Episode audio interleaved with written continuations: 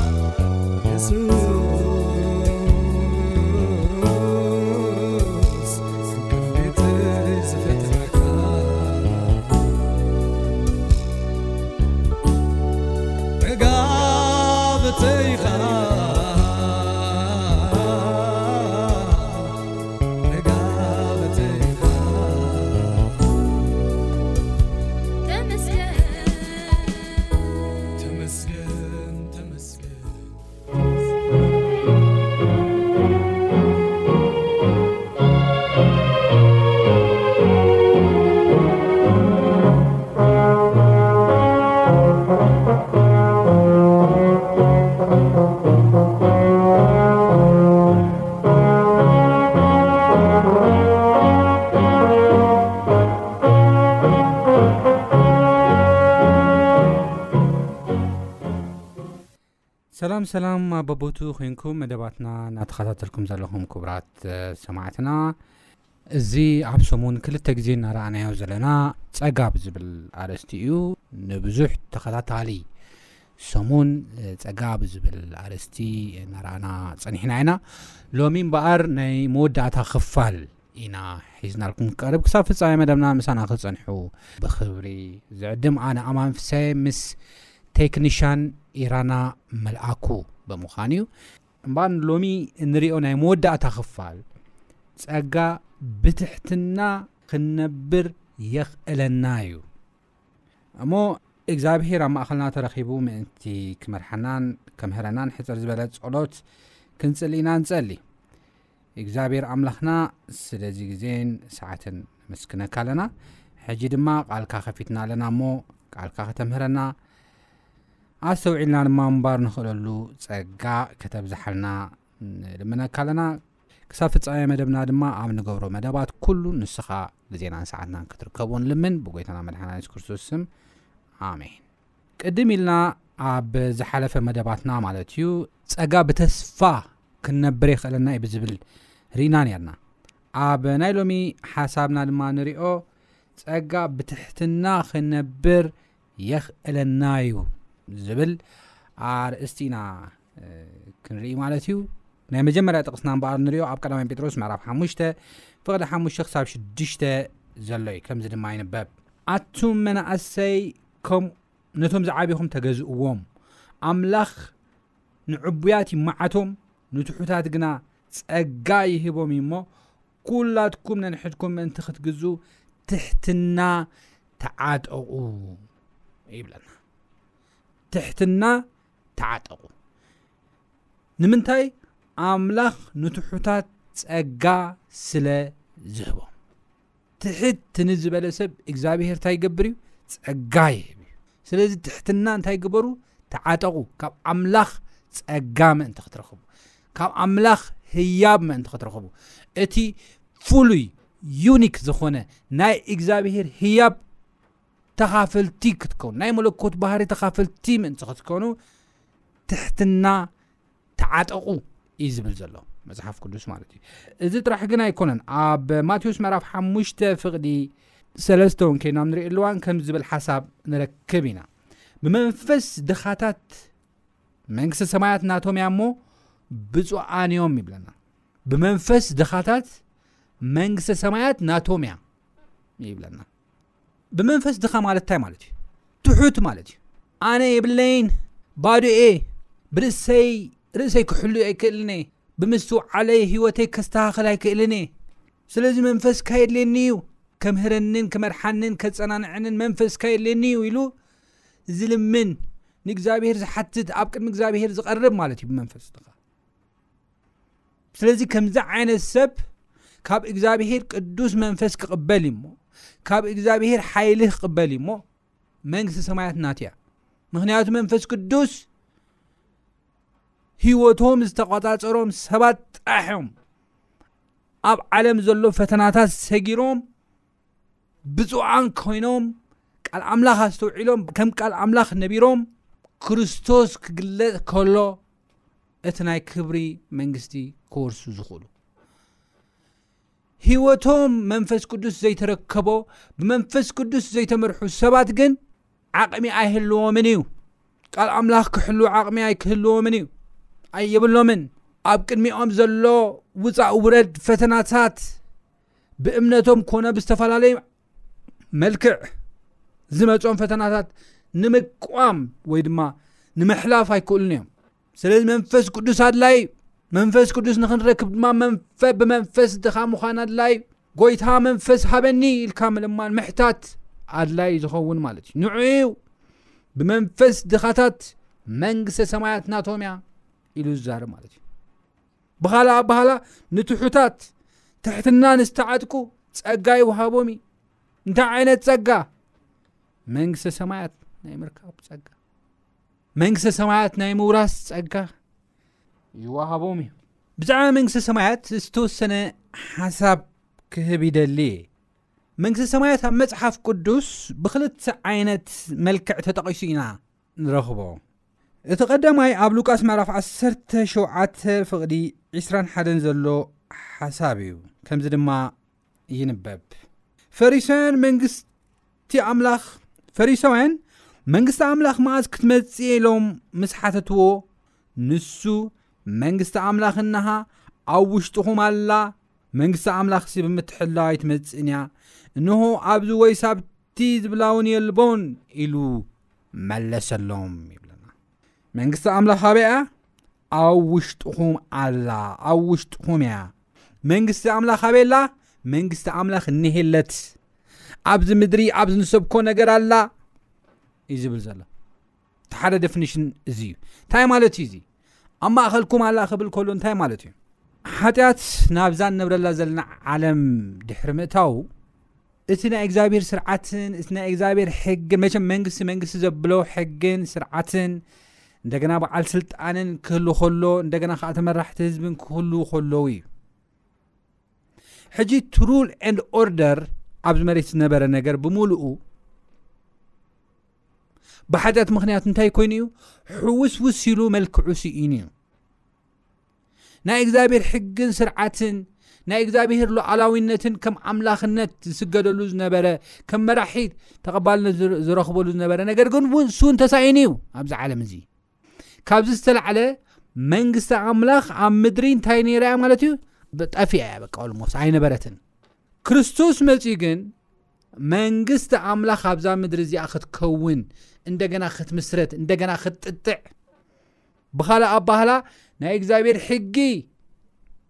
ሓይሊ ንክህልዎ ናይ እግዚኣብሔር ስርዓት ሓይሊ ንክህልዎ ናይ እግዚኣብሔር ሉዓላዊነት ክኽበር ናይ እግዚኣብሔር ፍቕሪ ክረአ ሰባት ብምርጭኦም ንኣምላኽ ክሰግድሉን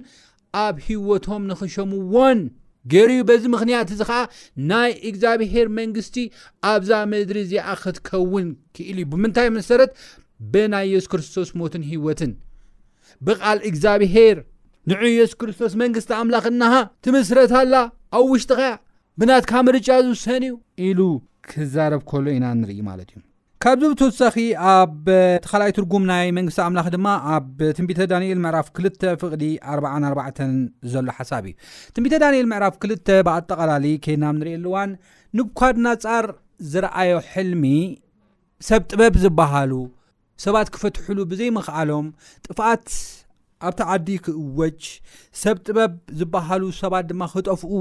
ነብኳድናጻር ኣብ ዝኣወጀሉ እዋን፣ እቲ ሕልሚ ግን ንዳንኤል ተገሊጹ እቲ ሕልሚ ዳንኤል ክፈትሕ ከም ዝመጸ ኢና ንርኢ። እዚ እቲ ሓደ ዓቢ ዝነበረ ማሕላ ከኣ ኣብዚ ነገር እዚ እቲ ሕልሙ እውን ንብኳድናጻር ረሲዕዎ ነይሩ እዩ። መፍትሒኡ እውን ረሲዕዎ ነይሩ እዩ። ሕጂ እዚ ክልቲኡ ፈተና እዩ ነይሩ። ሰብ ጥበብ መጀመርያ ንገረና፣ እሞ ክንፈትሓልካ ኢሎምዎ ኣነ እቲ ሕልሚ ረሲዐዮ እየ እግዚኣብሄር ግን ንዳንኤል ከም ዝገለፀሉ እቲ ሕልሚ እውን ገሊፁ እንደገና መፍትሒ እውን ከም ዝገለፀሉ ኢና ንርኢ ድሓር እቲ ታሪክ እቲ ሕልሚ ናይ ኑብካናፃር ሙሉእ ሰብ ይርኢ ነይሩ በብዘመኑ ዝመፁ ነገስታት ከም ዝኾነ እዩ ዝነገረና ማለት እዩ ድሓር ኣብ መወዳእታ ኣብ ትንቢተ ዳንኤል ምዕራፍ ክልተ ፍቕዲ ኣርባዓን ኣርባዕተን ዘልዩ ሓሳብ ማለት እዩ ብዛዕባ መንግስተ ሰማይ ከምዚ ኢሉ ይዛረብ ድሕሪ እዞም ነገስታት እዚኣቶም ሓንቲ ዓባይ እምኒ ተፈንቂላ ካብ ከረን ምፅእ ኸላ ነቲ ምስሊ ወይ ድማ ነቲ ሂስትሪ ኣብ ብዘመናት ዝነበረ ናይ መንግስታት ታሪክ ውፃእ ውረድ ሓደ ይመፅእ ሓደ ይድይብ ሓደ ይሃርሞት ሓደ የውድቆት ሓደ ይልዕሎ ዝነበረ ከይዲ ብታሪክ ዝነበረ ነገር ሓምሽሻ ሓማሽሻ ንሳ ዓባይ ከም ትኸውን እታ መንግስቲ እዚኣ ዓባይ እምኒ ኮይና ድማ ከም ትጸንዕ ንዘለኣለም ድማ ከም ትነብር እዩ ዝነገር እዛ እምኒ እዚኣ ከዓ ናይ እግዚኣብሔር መንግስቲ ከም ዝኾነት እዩ ዝዛረብ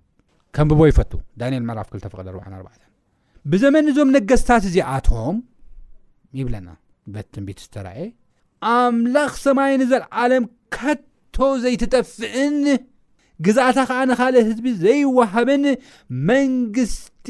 ከተንስ እዩ ንዅለን ዘን መንግስታት እዚን ከትጭፍልቕን ከተጥፍእን እያ ንሳ ግና ንዘለዓለም ክትቀውም እያ ይብለና እግዚኣብሔር ይመስገን ንሳ ግና ንዘልኣለም ክትቀውም እያ ንዛ እዘይትጠፍእ መንግስቲ እዛ ግዝኣታ ንኻልእ ህዝቢ ዘይትወሃብ መንግስቲ ናይ ኣምላኽ መንግስቲ ንዘልኣለም ከም እትቐውም ቃል እግዚኣብሔር ይዛረበና ስለዚ ናይ መንግስተ ሰማያት ካልኣይ ትርጉም ክርስቶስ ዳግም ክግለጽ ከሎ እዛ ዘይትጠፍእን መንግስታዊ ንካልእ ህዝቢ ዘይትወሃብ መንግስቲ ኣምላኽ ናይ ክብሪ መንግስቲ ትውክል እያ ማለት እዩ ስለዚ እዞም ብመንፈስ ድኻታት ዝኾኑ ቅዱስ መንፈስ ኣብ ህይወቶም ክወሃቦም ዝጽልዩ ሰባት መንግስተ ሰማያት ናቶም እያ ነዛ ናይ ክብሪ መንግስቲ ክወርሱ እዮም ብመሰረቱ ኣብዚ ምድሪ ኣብ ዘለውሉ እዋን እውን እቲ ናይ እግዚኣብሄር ሕግን ስርዓትን ተቐቢሎም ብቓሉ ብምኻዶም ኣምላኽ ድማ ሉዓላዊ ንጉስ ኣብ ህይወቶም ገይሮም ብምሻሞም ናይ እግዚኣብሄር መንግስቲ ኣብ ውሽጦም ኣለያ ተመስሪታ እያ ካብዚ ብተወሳኺ ናብቲ ናይ ክብሪ መንግስቲ ናብቲ ተዳለወሎም ቦታ ዓይኒ ዘይረኣዮ እዝኒ ዘይሰምዓቶ ኣብ ልቢ ሰብ እውን ዘይተሓስበ እግዚኣብሄር ነቶም ዝፈትውዎ ዘዳለወሎም ድማ መጺኦም ክወርሱ እዮም ማለት እዩ እዚኦም መን እዮም እቶም ትሕትና ተዓጠቑ እዮም እዚኦም መን እዮም ካብ ትሕትናኦም ዝተላዕለ ካብ እግዚኣብሄር ጸጋ ተዋህቦም እዩ ትሕትና ክንዕጠቕ ይግባኣና እዩ ንምዃኑ ትሕትና ማለት ታይ ማለት እዩ ቅድም ኢለ ኣብቲ ዝበልኩ ሓሳባት ገሊፀዮ ነይረ ትሕትና ማለት ብዘይ ክርስቶስ ብዘይ እግዚኣብሄር ንሕና ባዶ ምዃንና ካብ ልብኻ ምእማን ማለት እዩ ምስኪንኪን ምባል ኣይኮነን ትሕትና እዚ ፋሻል ዝኾነ ነገር ብደገ ዝረኣይ ነገራት ምልክታት ምርኣይ ኣይኮነን ቀስ ኢልካ ስለ ተዛረብካ ወይ ክሳድካ እናሰበርካ ስለ ተዛረብካ ኣይኮነን ትሕትና ወይ ክሳድካን ቀርቂርካ ስለ ዝኸድካ ኣይኮነን ትሕትና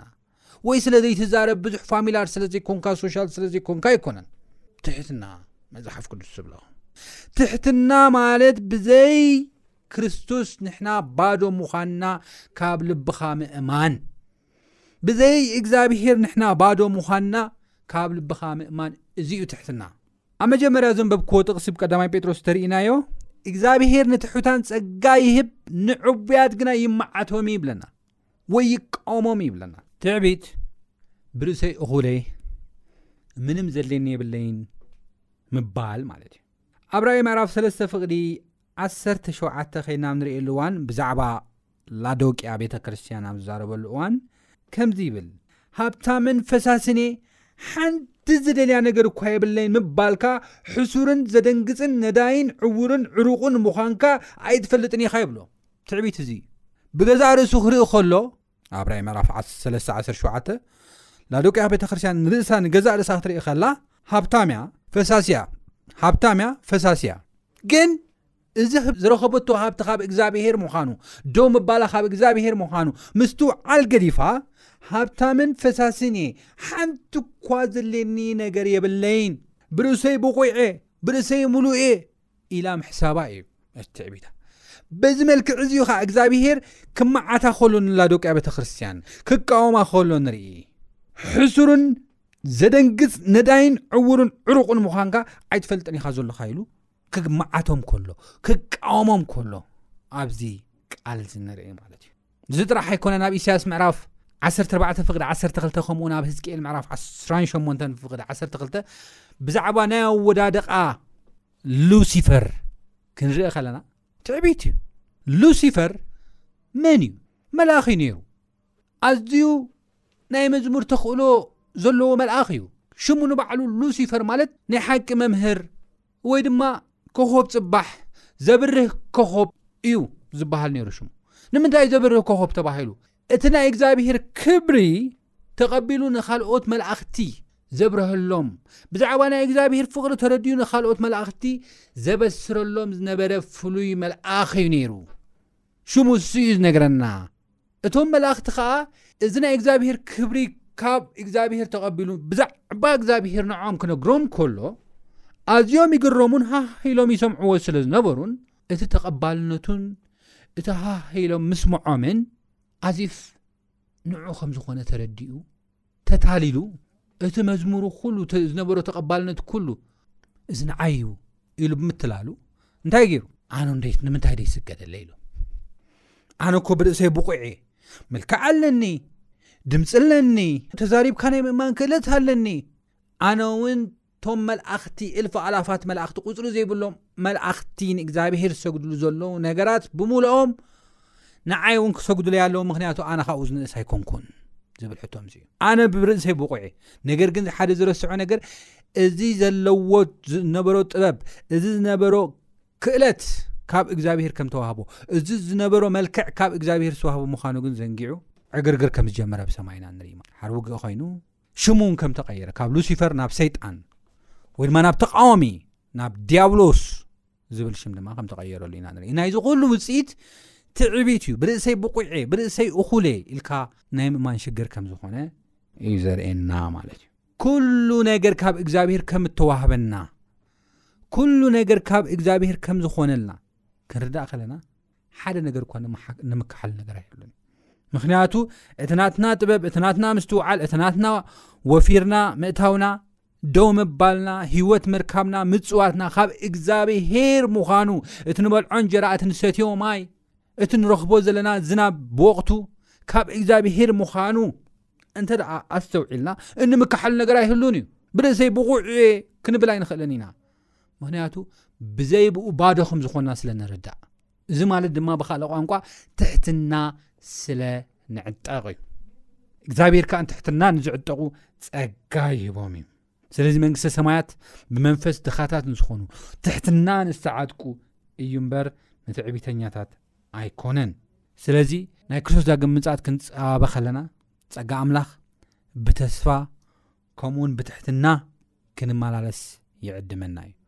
እሞ እዚ ዕድመ እዚ ተቐቢልና ብተስፋን ብትሕትናን ክንመላለስን እግዚኣብሄር ጸጉ የብዝሓልና ኣብ ዝቕጽል ብኻልእ ክሳብ ንራኸብ ሰላም ኩኑ ጎይታ ይባርኽኩም